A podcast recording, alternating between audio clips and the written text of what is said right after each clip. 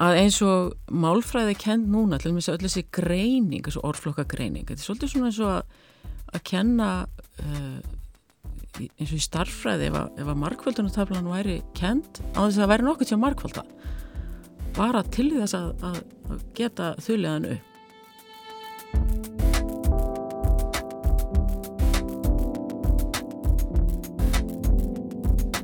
Hvernig er málfræðikennslu háttaði grunnskólum og hvaða áhrif hefur hún á hugmyndir nefnda um tungumálið? Við ræðum þetta við Hönnu Óladóttur, lektor á mentavísindasviði Háskóla Íslands.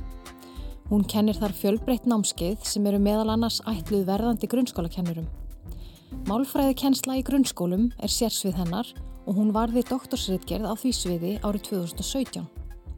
Við erum Guðrún Limberg Guðjónsdóttir og Anna Sigriður Þráinsdóttir og þetta er þátturinn orð af orði. Málfræðikensla í grunnskólum miðar að því samkvæmt aðalnámskrá að ebla færni í málnótkun. Í hefbundinni málfræðikenslu, skólamálfræðinni, er forskriftarmálfræði í forgrunni, eins og verið hefur svo lengi sem eldstu menn og konur muna. Hanna að þeirri niðurstöðu í doktorsverkefni sínu að breytinga sér þörf því þetta hafi áhrif á málhefðun nefnenda og hvernig þeir hugsa um tungumálið. Kennarar og nemyndur gera sér grein fyrir að mál breytist en ekkert er fjallað um af hverju máli breytist. Það þurfi að leggja meiri og markvísari áherslu á kenningar um máltöku, málkunnatu og þá málfélagslegu krafta sem eru að verki í málsamfélaginu. Skerpa á því sem þegar er gert og ebla annað. Slíkt myndi kalla á breytingar í mentun kennaraefna. Við spurðum hönnu hvort það hefði orðið einhverjar breytingar á þessu sviði. Það sem að mér finnst skipta mestu máli af því að þannig í dóttursvitgerinu er ég svona bara með ákveðinu hugmyndir og svo þegar maður fer að gera þetta í raunveruleikanum þá kemur kannski mjög annað ljós. En það sem mér hefur fundist skipta mestu máli það er að að fara frá málfræðibókinni og til málnótandans að, að meina, það, það er það sem skiptir máli. Það er máli sem við tölum og þá uh, að rannsaka það skoða okkar eigið tungumál og undirbúa kennara efnin þess að, að fjalla um tungumál nefndana. Þannig að, að sko markmið mitt með því er í rauninni eh, málvernd.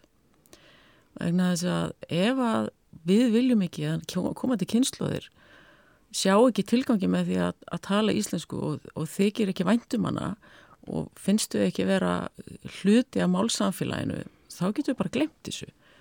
Þannig að mér finnst það að vera aðalmálið, ekki að vera að hengja sér í einhverja smá breytingar, því að við vitum það að tungumáli breytist, en að, að gera sko, nefendur meðvita málnótendur. Að við bara förum ekki allt í einu að tala alltaf meira og meira ennsku og missum svæði það sem að íslenskan er notæf. Bara einhvern veginn hugsun og laust. Við þurfum þá að vera bara með opinu augun. Og ég held að það sé mjög mikilvægt að gera eh, nefnendur og þau eru alveg tilbúin til þessi tíundabekk, unglingar og svo í framhaldsskólum að vera meðvituð um hvað er í gangi og þau hafa eitthvað um það að segja. Þetta er ekki bara einhverju málfræðingar sem að gefa út einhverja málfræðibækur eða, eða fólki á orðabókinu eins og þeim er tamt að halda þetta sé einhvern veginn einhver málfars, einhver málfars yfirvöld sem að ráði þessu öllu að þetta er allt undir þeim sjálfum komið. Þannig að það, það, þetta er svona ákveðin hvað ég segja, að þetta tekur langan tíma en, en ef að grunn hugmyndin er þessi og útgangspunkturinn er þessi, það er það sem að mér skipta mestumáli og það er það sem að ég brenn fyrir í minni kennslu. Og hvað gerir þau til þess að, til þess að koma þessu hugafæri inn hjá kennara efnum? Já, það er raunin bara að nota sömu aðferðnar og, og ég vil að þau noti í sinni kennslu. Auðvitað þurfa þau að, að vita miklu meira heldur en nefndunir þeir eru náttúrulega að læra um uh, hvernig tungumálið virkar og, og en það er bara að þau rannsækja sitt eigi tungumál. Og þá koma til dæmis þessi mér stannumlega svo mikilvægt sko að ég hef oft sagt að að eins og málfræði kend núna til dæmis að öll þessi greining þessu orðflokka greining, þetta er svolítið svona eins og að, að kenna uh, eins og í starffræði ef að, að markvöldunartaflan væri kent á þess að væri nokkuð til að markvölda bara til þess að, að, að geta þuliðan upp. Og þess vegna er svo mikilvægt að gera eitthvað með þessi hugtök. Markmið líka með því að vera að skoða sitt eigi tungumál, ég lætu rannsaka sitt eigi tungumál og svo líka tungumálið í kringum þau sjálf, sko. Það er líka málsamfélagið, átti að segja að það tali ekki allir eins. Og þá svona farið að hugsa öðruvísi um tungumáli og svo, svo hef ég líka verið að kenna sko, starfandi kennurum. Ég hef mér hef fundist sko skemmtilegast og þóttu vænst um það að þegar svona bókmyndasinnaði kennarar, ken, bókmyndasinnaði kennarefni bara allt í hennu sjá ljósi þegar kemur að málfræði. Það getur verið gaman að kenna málfræði. Það finnst mér, hérna, það er mjög gefandi í kjenslum. Það skiptir sem sagt mestu máli að fara frá málfræðibókinni og til málnótandans að mati hönnu og rannsaka eigið mál. Það þurfi að búa kennaraefni undir það að fjalla um mál nefnda sinna og nefnendur ætti að vera meðvitaðri um eigið mál strax í grunnskóla. Það sem að kannski kennslan hinga til sko, í, í grunnskólum og ég er ekki að segja að sé allstaðar en það er náttúrulega e, gengur svolítið mikið út á þetta réttmál og ránt og það er ekkit skrítið. Sko, það er ákveðin svona rítmál staðal sem að skólinn ánátt að kenna og þetta er svona gaglegasta uh, ég myndi ekki kannski segja mikilvægasta en þetta, þetta er svona gagleg uh, hérna, gaglegu hluti af tungumálunu eða tegund af tungumálunu málsnið tölvi stundum um. En þetta er ekki eina íslenskan og það er mjög mikilvægt að, að aðskilja þetta að þetta er ekki tungumáli, þetta er bara einn ein hluti af tungumálunu en mjög mikilvægur sem þarf að kenna og ég myndi segja, og nú er, hef ég engar ansóknir á bakveg mig í þessu, að það ætti að tengja það mest við rítunarkenslu, ákveðna rítunarkenslu. En þegar það verið að, verið að fjalla um tungumálið og hvernig það er uppbyggt, þá markmiðið ekki að vera að kenna réttmálaránt, heldur að kenna nefndum að kunna meta tungumálið og bara sjá hvaða er magnað fyrirbæri.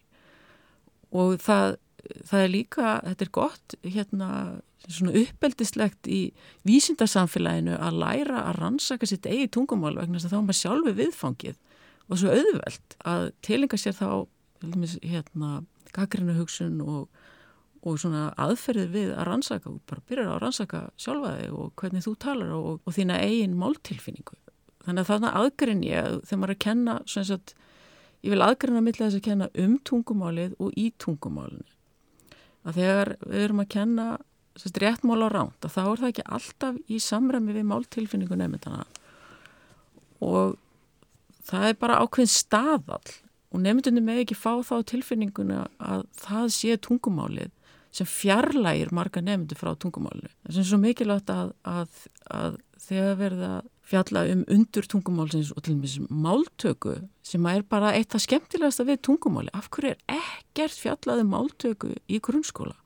Ég er ekki að segja að það eru margir, það eru þessi margir kennara sem gerir það bara og finna það upp hjá sjálfu sér af því þeim finnst það skemmtilegt sjálfum. En það er ekkert til dæmis talað um máltöku í aðalnámskrá að það sé mikilvægt að nefnendur átti sig að því hvernig tungumáli verður til. Tungumáli er sameign en það er líka engaign og, og nefnendur sko þurfa að, að hérna, það þarf að hlúa að þessu. Því það hafa allir rosalega gaman að tungumálinu og þá má ekki eiðarleika það í íslensku tímunum. Það, það á að virkja þá, þá þannig áhuga þar og svo er, er bara tæknilegt atrið að læra réttmóla ránt þegar maður er að skrifa eitthvað ákveðin, ákveðina tegunda texta og hjálpa nefndu við það. Það er að kenna í tungumálinu. Þegar maður kennir um tungumáli þá er maður bara að kenna nefndum um að geta orðað að nota hugdögt til að lýsa þeirra eigin tungumáli. Alveg svo maður, alveg svo kennar að kenna um, um innefli og hvernig líkaminn virkar og þá þarf maður hugdög og ég var svolítið gott hérna að þegar verða að finna að því að vera að kenna hugdög það má náttúrulega ekki kenna hugdög bara að kenna hugdög það þarf að kenna hugdög til þess að nota þau þannig að þau, þau þurfa að lýsa ekkur sem að maður vil skilja betur. Að það að kenna ekki málfræði hugdög það er svona eins og að kenna e- eðlisfræði og meg aldrei nota hugtæki atóm. Og, það, og þegar, þegar maður kennir hugtök um leiðum maður notar þau þá, þá er auðveldar ákveða hvaða hugtök að kenna. Það er ekki dýst að þurfa að kenna öll þessi málfræði hugtök sem er núna verið að kenna. En það þarf að kenna einhverju þeirra. Og viðmiðið á ekki vera alltaf einhver tilbúin fyrirmyndar málhafi heldur á eiga nefndu bara að rannsaka sitt og, og skoða sitt eigið tungumál og, og skemmt sér við það.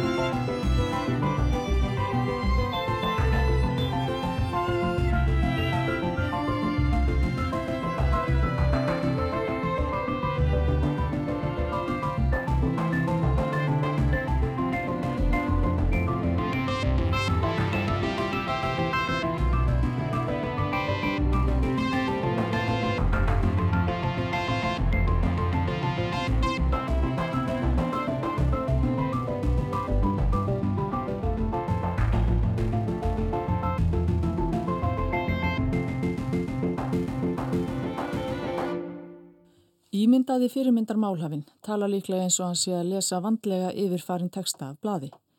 Rittmáls staðall, réttritunareglur, rétt og ránt mál, þetta er grundvöldur ritunarkjænslu.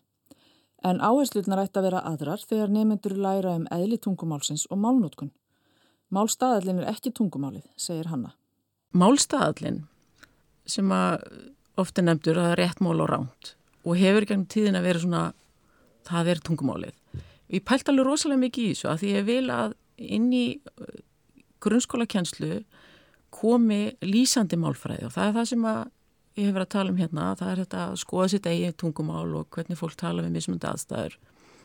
Og þetta sé allt, það er ekkert rétt hæra en annað þó að vissulega rítmálstaðalinn sé mjög mikilvægur við svona ofinberar hérna, aðstæður og þegar maður vil vanda sig við ákveðnar aðstæður.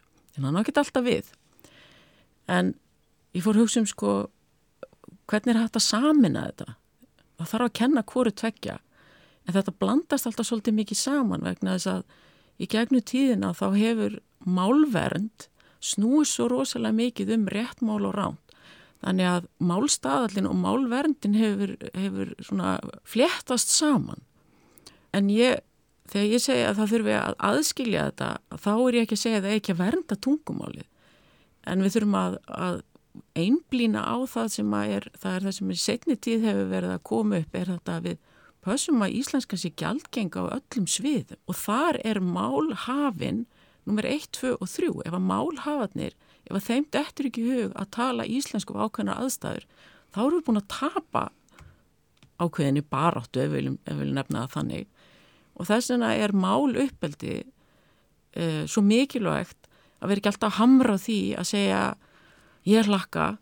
Og það færi bara rosalega orka í það heldur þetta að, að þykja væntum eigi tungumál og ebla e, nefnendur í að nota tungumáli á sem fjölbreyttastan hátt. Og þá held ég að þið nú er alltaf verið að tala um það að alltaf stærra og stærra hluti af nefnendum og bara Íslandingum almennt er bara hættir að lesa að fara að skrifa.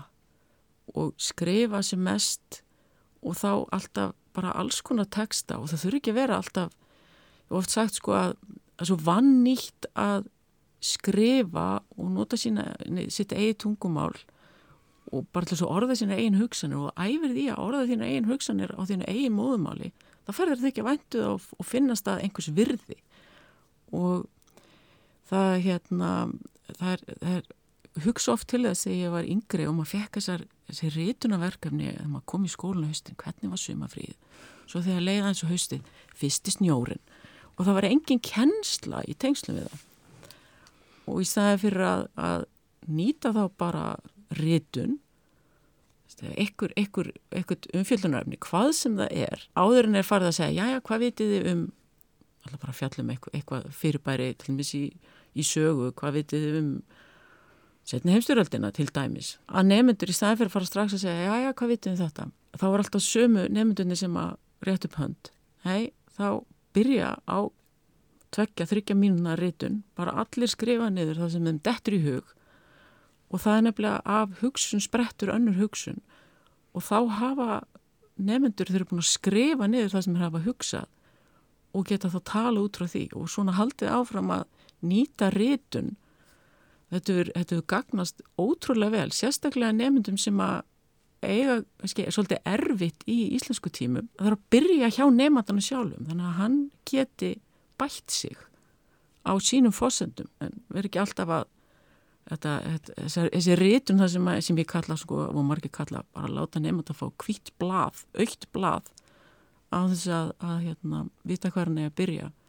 Og þannig að vinna með tungumáli út frá nefndanum sjálfum. Mér þótti svolítið ábyrjandi í minni dóttorsrítgerð og uh, minni dóttorsrannsók að kennurum finnst skemmtilegast þegar geta svona samþætt íslenskuna en eiga erfiðast með einhvern veginn að koma málfræðinni þarna að. Og það er til dæmis eitt mjög skemmtilegt verkefni það sem að það er bara hægt að nota, sko rítun þarf ekki vera alltaf einhver marga blasjur af upp að miði og endir heldur bara hægt að skoða eina setningu og það er skemmtileg og þetta er nú ekki hugmynd frá mér en það er skemmtileg verkefni það sem að, að allir nefndunir eiga að lýsa einhver, það getur verið einhver mynd eða það getur verið bara að kenna að gera eitthvað komin í stofuna og ganga að borðinu sín og setjast og, og láta þau skýra það í einni setningu, einni málskrein hvað kennarinn gerði. Og síðan að vinna áfram með þessa setningu. Nú skulum við breyta um, um að hafa einhverja aðrar sagnir ekki bara setjast, hlamma sér niður og vinna með samheita þennan átt, hvernig getur líst nákvæmar önnu nafnor, bæta við ykkur með aukasetningum og vinna þannig með mál nefndana sjálfur en, en samt að, að nota hugtökin bæta við lýsingur orðum og þannig bæta við ykkur í smá hverju einasta, einasta deg þetta getur verið bara pínulíti verkefni byrjun hvers tíma og þá bara nefndin komið með nokkrar setningar og, og hefur verið að vinna með eigin, eigin mál og hefur verið að auka orðaforða, hefur verið að velta fyrir sér á þess að þurfa alltaf að hugsa um einhverja risavaksna rítgerð sem að er eins og fyrir marga krakka bara ókleifur hamar sko. Þannig að þetta er, ég meina maður kemst upp á fjall bara það er bara eitt skrif í einu sko. Og það þarf að hjálpa nefndum til þess að sjá fegurðina í, í, í þessu smáa En er ekki, ef við höldum okkur á rítunar slóðunum, er ekki einmitt líka mikilvægt að, að nefndur fái tækifæri til þess að vinna með eigin texta þannig að hann sé ekki bara, það er ekki bara einn rítunatími viku þar sem þau skrifa eitt rítunarverkefni heldur þau fá að halda áfram að vinna sínum eigin texta eins og þú varst að lýsa, þú veist, bæta við, bæta við að þau sé alltaf að vinna áfram með textan sinn. Skiptir, skiptir það ekki svolítið máli að, að þau fái að... Jú, jú, það er hérna það er bara, skiptur öllumáli og það þarf ekki endilega að vera alltaf að, að vinna með það sama, það er að taka fyrir mismöndi hluta sem þetta er að vinna með, ég menn það er að gera svo margt. Og það, það er að gera svo margt í rítun á þess að kennarinn þurfa að drekja sér í yfirferð. Ég veit um, um kennara sem að nota alltaf svona örrítun upphæðu hvers tíma sem að bara vera efla orðaforða, rákveðin orðsett upp á töflu og svo eiga nefndin að skrifa tvær myndur það sem er ykkur skilir þig og þau eru orðin svo þjálfið í þessu.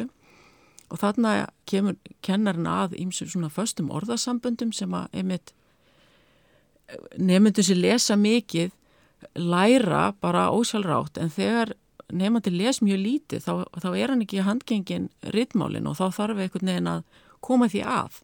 Þannig að það er að þjálfa það svona á litlum skala.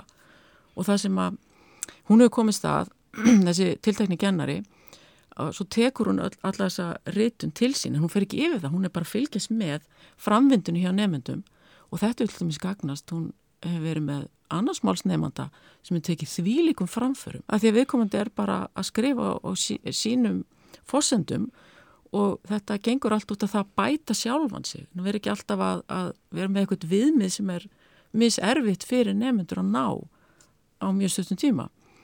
Þannig að, að hérna og svo hefur hún tekið, tekið eftir því að í annar rítun sem er svona formleri það hafa þau nýtt þessi ennan orðaforða sem hún hefur verið að leggja inn með þessari örritun og þá hafa þau, eru þau búin að tilenga sér hann og það er það sem henni finnst langs mest spennandi að sjá slíkar framfarir Og það er náttúrulega það sem er ætti alltaf að vera markmiðið. Já, já, það er markmiðið er ekki að gera alla rítumundum í, í, í, í rítunarkjenslu heldur að allir bæti sig og það geta allir bæti sig.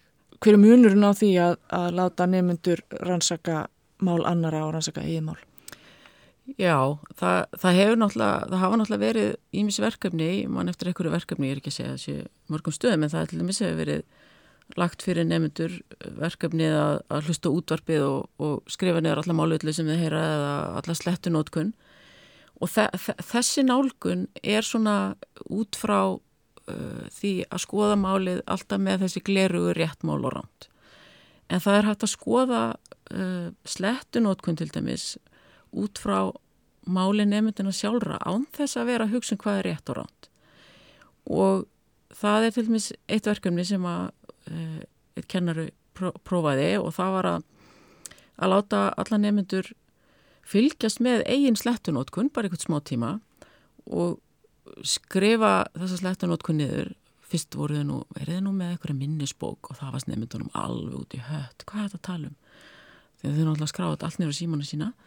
Náttúrulega með, þau eru náttúrulega með alveg ótrúlega tæk í höndunum sem er hægt að nota á svo fjölbreyttan hátt. Þessi sími sem er svona eins og framlegging á, á bara hendin á þeim. Þau eru allavega einhend um, en uh, þannig að þau gerðu þetta og þetta var bara rosalega skemmtilegt og þetta gekk ekki út af það að vera alltaf að finna hvað aðrir að gera heldur bara að skoða sína eigin nótkunn og síðan uh, þetta tóku við, voru að þessu svona bara meðfram kjenslu eina viku eða einn dag eða eitthvað og svo næst hittust og þá var sagt, verkefnið að prófa að nota eitthvað íslenskt orð í staði fyrir þá slettu sem þau notuðu oftast. Og uh, það orð sem var oftast það er nú sko orð sem byrjar á F og, og eru fjóru stafir. Þannig að það var alls konar útgáfur, það var fjárhans og skrampans og, og þeim þótti þetta alveg ótrúlega skemmtilegt. Og þá urðuðu svolítið meðvitt um hvað þau nótuðu þetta rosalega mikið. Og, þó, og þegar, sko þá er þetta ekki einhver uh, refsivöndur hérna réttmál á rand og allir að passa sig og verða rosalega hrættir, heldur er þetta svona, færið þau til að hugsa sko bara á sínum eigin forsendum og fyllir þau svolítið ábyrðvonandi af því að það er ekkert að neyða fólk til neins. Þarf að, þarf að vera sjálfsbrottið og, og við erum náttúrulega mál samfélag og við tökum svo mikið upp hvert eftir öðru. Þannig að, að það skiptir máli hvernig fólk talar, getur haft áhrif á aðra. Þannig að, að láta þau finna að þau hafi sjálf áhrif, bæði á sér sjálf og hvert annað Nefendur læra snemma að það sé bara eitt rétt mál, svona á að segja þetta en ekki hins einn Það eru auðvitað ímis viðkend tilbreyði en þegar reglur um stafsetningu voru samdar þurfti að taka ákvarðanir um hvað skildi kallast rétt, vandað mál og hvað ekki. Þetta er svo kent sem hefð eina rétta. Þetta getur stundum stangast á við máltilfinningu nefnda og jáfnvel heft tjáningu. Nei, það er bara mjög merkilegt hvernig sko leiðréttingar uh, því að, að það tengist rosalega mikið þessu réttmál á ránt. Að ef að og það fóreldra náttúrulega að gera þetta þetta er svona ákveðin hefð og þetta er ákveðin svona fylgifiskur þess að, að einblýna á réttmál og ránt og þá verður maður svolítið svartkvítur í hugsun að það er bara eitt rétt og bara og allt hitt ránt og þetta er, þetta er svolítið vond hugsun eða ekkert svolítið. Ég held að, sko, að það sé mikilvægt og við ættum að nota tækifæri núna þegar uh, fyrirbæri eins og kynhlutlust mál er að koma upp uh, í, í málsamfélaginu að það getur verið fleiri en eitt rétt. Og til þess að þá þarf að að af, þurfa nefndur að aflæra þetta réttmál á ránt að bara eitt sé rétt og að því það er svo mikilvægt, ég held að þetta sé svo gott tækifæri fyrir kennara að kenna um mál umburðalindi að það, það er bara og báða búa að, að uh, þetta er að því að máltilfinning er tilfinningamál og það á að, að taka tillit til fólks hvort sem að það uh, vil haldi í hefðina eins og ég hef gert í þessu viðtali örglega, talað um hann og maður og, og, og allir en ekki öll að þetta er bara mín máltilfinning. Og, og það er bara ekkit að því að það má ekki vera þessi umræða, svona umræður þurfa að fara fram í skólastofunni. Og, þetta er svo mikilvægt. Má ekki bara, það er það sem að mér finnst sko skipta svo miklu máli í allir umræð um tungumál og í kennslu um mál að, að gleima því ekki að tungumáli er félagslegt fyrirbæri. Við notum þetta til samskipta og við notum þetta til þess að hvað sé, þetta er, þetta er svo hlut, mikil, stór hlut af sjálfsmynd okkar, hvernig við viljum að annað fólk eh, sjá okkur og, og, og, og hugsa um okkur og margt af þessu er algjörlega ómeðvitað. Skemtilegt að taka dæma því fólk sem býr fyrir norðan og búin að búa lengi, eða alveg fyrir norðan búin að búa lengi fyrir sunnan orðið linnmælt og svo þegar bara er að kera á auksendelsheðina þá er allt í orðið harmælt. Hvað er það? Það er bara hluta sjálfsmyndinni. Þannig að, að, að máltilfinning og málumbyrðalendi, þetta er bara mjög mikilvægt að taka þessu umræðu og gott tækifæri núna þegar, þegar kynhlutlust mál er að koma upp og, og það þurfa allir að sína ákveð umbyrðalendi. Því að máltilfinningin er eitthvað sem er erfitt að, að breyta, sama koma vill. Ég vil alveg segja öll, ég segi samt alveg allir oft og því að máltilfinning mín er þannig.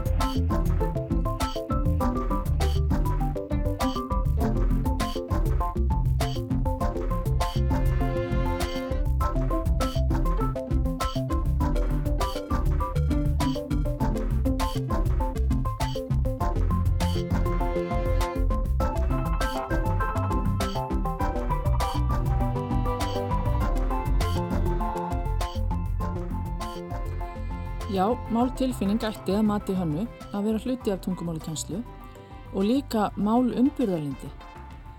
Það þurfa að huga að því snemma að það geti verið fleira en eitt rétt. Hanna bendir á að tungumálið er félagslegt fyrirbæri, sameign þeirra sem tala það og það er líka séregn hvers og eins. Það er vandlega samofið sjálfsmynd fólks og því mikilvægt að gætt sé að umbyrðalindi, bæði þegar tungutak fylgir hefðinni og þegar valin er önnur leið. Þú varst að hlusta á orðavorði. Anna Sigriður Þráinsdóttir og Guðrún Lindberg Guðjónsdóttir töluði við Hannu Óladóttur. Tæknimaður var Magnús Þorstedt Magnússon.